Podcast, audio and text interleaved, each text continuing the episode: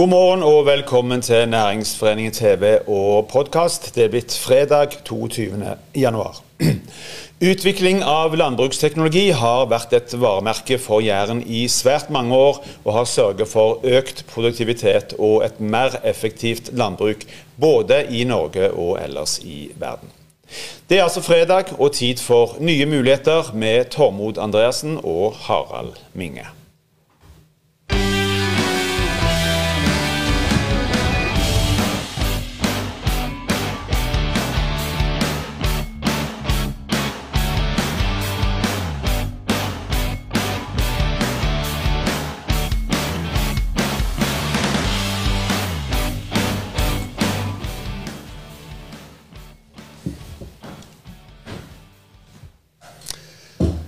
Er fredag igjen, og det betyr at vi skal snakke om nye muligheter her i Næringsforeningen TV. Har du en forestilling om at eh, landbruket er litt siderumpa? Det er plogen, det er bonden, og det er en gammel traktor. Du aner ikke hvor feil du tar. Dette er et high-tech-eventyr, det er et teknologieventyr. Og vi er altså så heldige at vi har verdensledende selskaper i vår region, i matfatet på Jæren, eh, som går i front på dette. Matfylket Rogaland det er jo en kjent, eh, sterke merkevare. Norges ledende landbruksfylke. Vi har altså 10% av arealet i Norge, men produserer 30 av all maten. Og Det sier litt om effektiviteten, og det sier litt om den teknologien, det utstyret med utspring i Jæren som denne næringen har fått lov til å ta i bruk, ikke bare i Norge, men òg i resten av eh, verden. Og Det er disse selskapene vi skal snakke om i dag, og spesielt ett, som altså befinner seg i det internasjonale internasjonalitetssjiktet når det gjelder landbruksteknologi, eh, og som skal være med på denne eh, internasjonale revolusjonen når det gjelder bærekraftig eh, landbruk og når det gjelder å fø flere folk uh, og, uh, og, ny uh, teknologi. Og En av de viktigste mekaniske bedriftene som har markert seg, kjenner dere til, det er altså Kvernland Group, som er leverandør av landbruksteknologi med aktivitet i minst 80 land. Når du er ute på ferie, reiser rundt omkring og ute og sykler litt på bygd eller et eller annet, så ser du plutselig en eh, maskin som kjører forbi deg, hvor det står eh, Kvernland. Mye av nøkkelproduksjonen foregår fortsatt på Øksnemat, der det fortsatt er rundt 600 ansatte av totalt 2500. Så er vi så heldige å ha med oss Arild Gjerde, som er konsernsjef for salg og marked i eksport- og teknologieventyret, altså eh, Kverneland Group.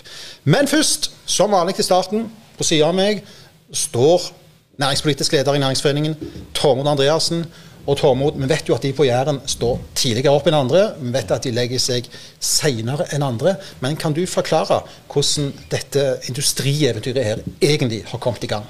Ja, altså En enkel forklaring på det ikke. Men du sier de seg, står opp tidligere og legger seg senere enn andre. og De drar jo en vits og sier at det, det, grunnen til at det ikke er midnattssol på Jæren, er fordi at det er ingen som hadde visst når de skulle gå og legge seg. hvis det hadde vært det. Eh, og det er vel kanskje noe i den eh, spøken òg. Eh, for, for, klart, En del av teknologien har nok rett og slett kommet fordi det har vært et behov. Fordi en har drevet med landbruk, og så har en, før en fikk fly og tog og bil osv., så, videre, så har, har en ikke hatt mulighet til å transportere varer over så vanvittig lange avstander. Så har det vokst opp en industri i tilknytning til det landbruket som har vært på Jæren. Eh, og, og, det er nok det en har sett. Og mange av de bedriften vi ser i dag, starta jo i det små med små smier og har utvikla seg fantastisk og tatt det helt av. Og F.eks. Eh, Kverneland Group er jo et sånn godt eksempel. Starta i 1879, var det jeg, har lest meg opp til. Um, begynte med å produsere ljå og har gått over til å være verdensledende prosent av, av ploger og landbruksmaskiner. Og Det er klart, det er jo en del av historien og en del av fortellingen om Jæren og jærindustrien som er symptomatisk for flere. Mange av de leverer fortsatt landbruk, og noen har vridd seg over til andre eh, ting. Og, og um, Harald, mange har jo hatt eh, gleden av den innovative ja. jærindustrien. Ja, for det, det, er jo sånn Hadde vi hatt olja i denne regionen uten eh, landbruksleverandørene på Jæren, altså den mekaniske industrien som på en måte ble basen for den store verdenskjente leverandørindustrien til olje og gass eh, her i regionen? Mm. Eh, svaret på det er kanskje nei. Kanskje det var en av de viktigste forutsetningene vi hadde. Både når det gjaldt teknologien, men ikke minst når det gjaldt holdningen. Det å klare å få til ting og snu seg, eh, snu seg fort. Eh, men de som fortsatt eh, satser på landbruksteknologi, har jo òg, som vi skal se, klart seg veldig, veldig veldig godt. Og så er det jo en solskinnshistorie spesielt oppi dette. For de som har vært på Jærmuseet, de har jo sett en av de gamle Tralfa-maskinene. sant? Og, og Tralfa revolusjonerte jo verden med den første uh, lakkeringsroboten. Men Tralfa var jo et bitte lite landbruksredskapsselskap. Og det de sleit med når de skulle lakkere trillebårer, det var jo at de ikke fikk tak i folk til å gjøre dette. Sånn at De fikk inn en type som klarte å automatisere det, og fikk sprayet disse trillebårene automatisk. Og det var altså starten på helt vanvittig eh, teknologieventyr med, med, bakgrunn i Jæren. Ja, for det er jo driftige folk vi snakker om. Eh, Jærbuen er driftige. Uh, og Jeg minner meg om en kamerat av meg uh, som, som um, har funnet ut hvordan han skal bli rik. Og Oppskriften hans på å bli rik er å finne to jærbuer, gi dem noen penger og si 'finn på noe'. Eh, så er han helt sikker på at han kommer til å bli mangemillionær. Og jordbruk eh, høres kanskje, som du sa i introen, litt sånn tradisjonelt ut. Vi tenker i alle fall det. Mange av oss ikke har greie på det. Men faktum er jo at dette er high-tech. Eh, og det vet jo du som har robotklipper, Harald. Eh, dette her er, det, det, det, er avanserte greier. Så selv om du plutselig finner den litt for langt unna en hekk. Ingen tvil. Du, vet du hva han heter? Smygen. Smygen. Nå tar vi inn gjesten vår. Vi gjør det. Uh, og han uh, kom, inn, kom inn, fra, fra sida her, og, og uh, Tormod, jeg tror du skal få lov å stille Arild Gjerde det første spørsmålet. Velkommen forresten så, så mye til studio her i uh, Næringsforeningen TV. Og at du tok turen inn. Og, og, og vi er jo spent på hvordan hvordan du nå forteller om, om deres virksomhet. Altså, ja, det, det, noe av det med, Når vi satt og forberedte oss til denne sendingen, så 1879 så var det en som begynte i ei smie å produsere ljå. Så gikk det noen år, og så begynte han å produsere noen ploger.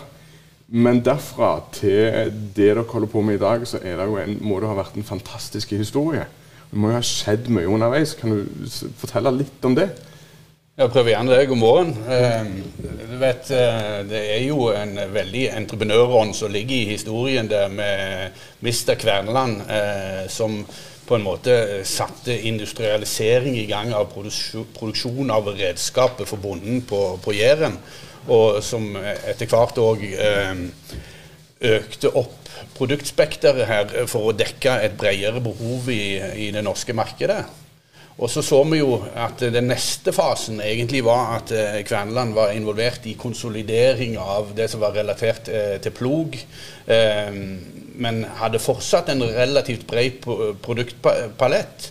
Og så gikk en inn i eksporten, starta med eksport tidlig på 50-tallet. Og begynte naturlig i den tida i hvert fall med, med naboland, eh, Sverige og Finland først. Senere så utvikla jo dette seg til at eh, familiekonsernet ble eh, børsnotert i 1983. Og det var jo òg et ledd i å kunne ha tilgang til kapital for, for, for videre vekst. Og mm, hvis en eh, kommer inn på, på 90-tallet, så ble det jo tilrettelagt for en strategi hvor en sa at nå var en veldig avhengig av plogen her, eh, og den strategiske tanken at en skulle se på muligheten for å få en større produktpalett til de samme kundene, for å øke på en måte eh, attraktiviteten både hjemme og ute på eksport, eh, kunne tiltrekke seg distribusjonspartnere osv. Og, og, og dermed så ble Kverneland eh, mye bredere i eh, sitt strategiske fundament. Og etter hvert så utvikler han seg jo til å gå fra en eksportør til et multinasjonalt selskap med fabrikker i mange land. Og eh, nå har vi jo da endt opp å være en del av eh, det globale Kubota-konsernet. Men fremdeles som Kvernland Group. Hvor mange land har dere fabrikker i? Vi har uh, fabrikker i uh, seks, uh, seks, land når vi snakker hovedfabrikker. Det er Norge, Danmark, Tyskland, Holland, Italia og Frankrike. I tillegg så har vi fabrikk i Russland og i Kina. Men det er mer sånn sammenstillingsfabrikker for å dekke det lokale markedsbehovet. Nå har jo du tatt litt om historikken her for, for Kverneland. Ja. Og, og man sitter litt bakover osv. Men dere skal jo se framover. Og det vi lurer på nå, sant, det er jo om du kan si noe litt sånn generelt om, om hva som nå blir forventa av din bransje. Altså Vi har en verden som går fra 7 til 9 milliarder eh, innbyggere. Eh, vi har eh, bærekraftspørsmål. Vi har krav om økt produksjon og bedre utnyttelse. Hvor, hvor, hvis, du skal, hvis, du skal, skissere opp de, altså de, viktigste trendene og de viktigste utfordringene dere som selskap skal besvare, mm hvordan vil du gjøre det? Det som er på en måte et viktig utgangspunkt i det vi kaller de vestlige, allerede mekaniserte landbruksmarkedene, det er at en ser at eh, gårdene blir større. Vi går eh, prinsipielt på en måte ifra de gamle, tradisjonelle familiebrukene til firma som er landbruksselskap eh, med masse ansatte. I en del land så er de sågar vertikalt integrerte med egne meieri osv. Men i alle fall, ting blir større. Det fundamentale er at en ut ifra et bærekrafthensyn har hatt eh, faktisk over ganske mange år høyt på agendaen det som vi kaller bærekraft for bonden og bærekraft for miljøet. Og Det som er bra med det, er at det går egentlig godt hånd i hånd. Fordi det dreier seg veldig mye om å klare å produsere mer med mindre. Det betyr altså mindre innsatsfaktorer i form av f.eks. gjødsel og eh, kjemikalier, men samtidig klarer å gjøre ting så smart at du får eh, økning i avling og melkeproduksjon og disse tingene. Og her er det mye teknologi som spiller inn. Eh, et stikkord er jo det vi kaller presisjonslandbruk. Ja. Men, men, men, altså bare for, for du sier at ting blir større og gårdene blir større. betyr altså det er jo ikke så mange år siden eh, ja, det er mange år siden, men, en kjørte rundt med en gråtass. Det var en ganske liten maskin. Eh, og hadde et par plogskjær bak. Nå er de største Jeg vet ikke hvor, hvor mange plogskjær dere har på den største plogen. Og traktorene er vanvittig svære. Vil, altså, vil ting bli enda større, eller? Altså, det, det er en eh, klart pågående trend at de gjennomsnittlige hestekreftene eh, på traktor i, i, i de forskjellige landene går opp. Men vi er nok i ferd med å se at eh, på de aller største så, så kommer en opp til et skjæringspunkt hvor kanskje eh, en må tenke alternativt. Men vi må forberede oss på at for at en skal ha et effektivt landbruk, så må de ha store eh, trekkenheter i form av traktor. Men vi ser jo at det jobbes veldig mye nå med eh, og, eh, autonome type traktorer. Og òg mindre robot eh, som en ser for seg her kan eh, i mange deler av eh, landbruket på en måte revolusjonere det i form av eh, at du kan ha mindre enheter som har fordeler i forhold til det vi kaller compaction og sånt i jorda. Eh, så, så, så, her vil en måtte se en balanse. Hvis du skal ta oss med nå ti år, eh, altså tid, eller ut i tid, og, og gi oss et eksempel på et uh, høyteknologisk eventyr som i dag uh, virker litt uh, umulig, men som sannsynligvis blir realiteten om ti år. Spesifikt å uh, konkretisere det i et produkt er litt vanskelig. Men det dette dreier seg om, det er veldig mye informasjonsinnhentning. hvis vi tar det linker opp imot bærekraft, så jobber vi altså Stikkordet big data i utgangspunktet bonden er på jakt etter å få så mye kunnskap om forholdene ute på marka, i jordsmonnet, med vær, eh, hvordan avlingen utvikler seg. Der ligger det mye i form av at vi har smarte maskiner som kan bidra i å hente inn den informasjonen. Eh, vi bruker tilleggsteknologier som, som sensorer. Droneteknologi kommer mer og mer. Disse dataene bringes inn til bondens eh, system for å drive gården, så skal det bearbeides. Og så skal det ut igjen på maskinene i form av å, være i stand til å definere arbeidsoppgavene. Hvor da maskinene må styres av elektronikk som kan spesifisere nøyaktig hvor de forskjellige tingene skal plasseres ute på feltet. I form av f.eks. hvor skal det hvilken mengde gjødsel, hvor skal en treffe nøyaktig hvis en må ha ugressbekjempelse. Og her vil det være enormt mye vi kaller liksom dette med connectivity. Sant? Systemene må snakke sammen. Maskinene må være smarte og intelligente. Og så tror jeg at det en vil se konkret, er disse sjølgående enhetene som styres fra datamaskiner, altså ubemanna eh, trekkenheter, som i hvert fall komplementaritet til de traktorene en kjenner i dag. Og dere leverer dette på Kverneland? Dere skal levere dette framover?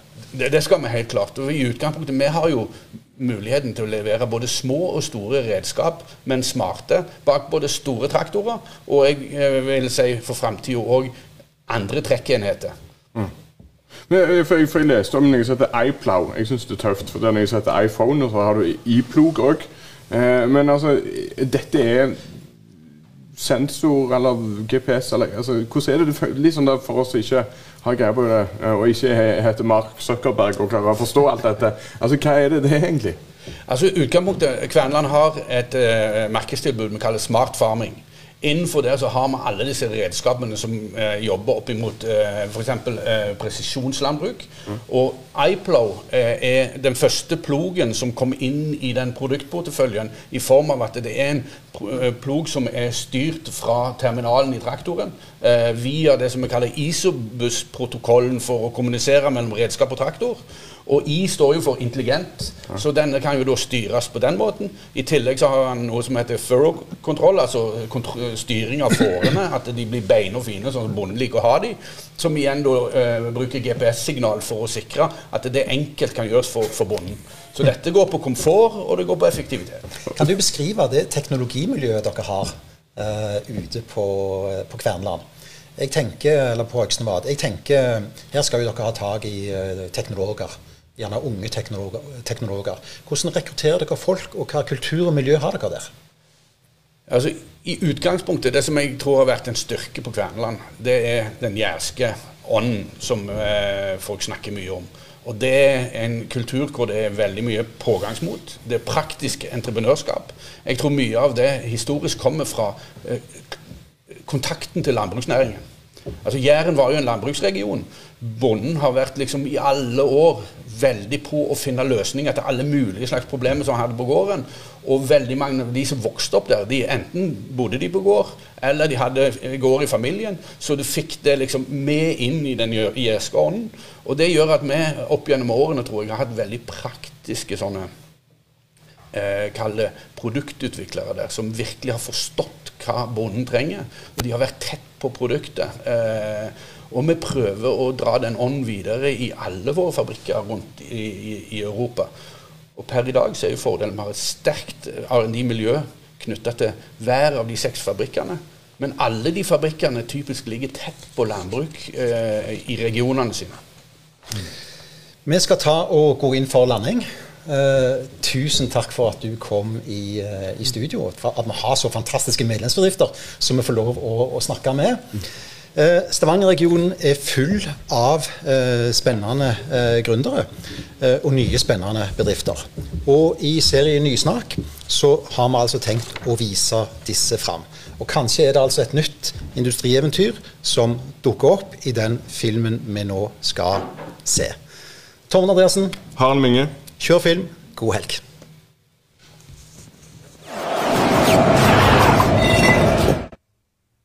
Hei, jeg heter Luka og skal snakke med dere om en ny spennende selskap i Stavanger-regionen. Vi heter Nabelflo. Vi er en spin-off fra Universitetet i Stavanger. Vi er koblet med Validé, og vi driver med Digital Wind.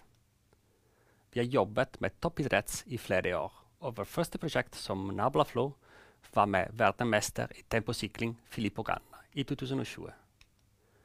Nå vil vi hjelpe å bygge fremtidens byer og gjøre det enklere, raskere og bedre for byplanlegger og arkitekter til å kjøre vindsimuleringer, slik at byen vår blir bedre sted å bo og gå og leve i. Vårt første produkt fokuserer på byggeindustrien og heter Arkiwind, hvor man kan kjøre vindsimuleringer i tre. Vi vokser fort, vi samarbeider med flere spennende partners, og Arkiwind blir lansert i 2021. Er du en arkitekt, en byplanlegger eller en landskapsarkitekt, ta kontakt med oss.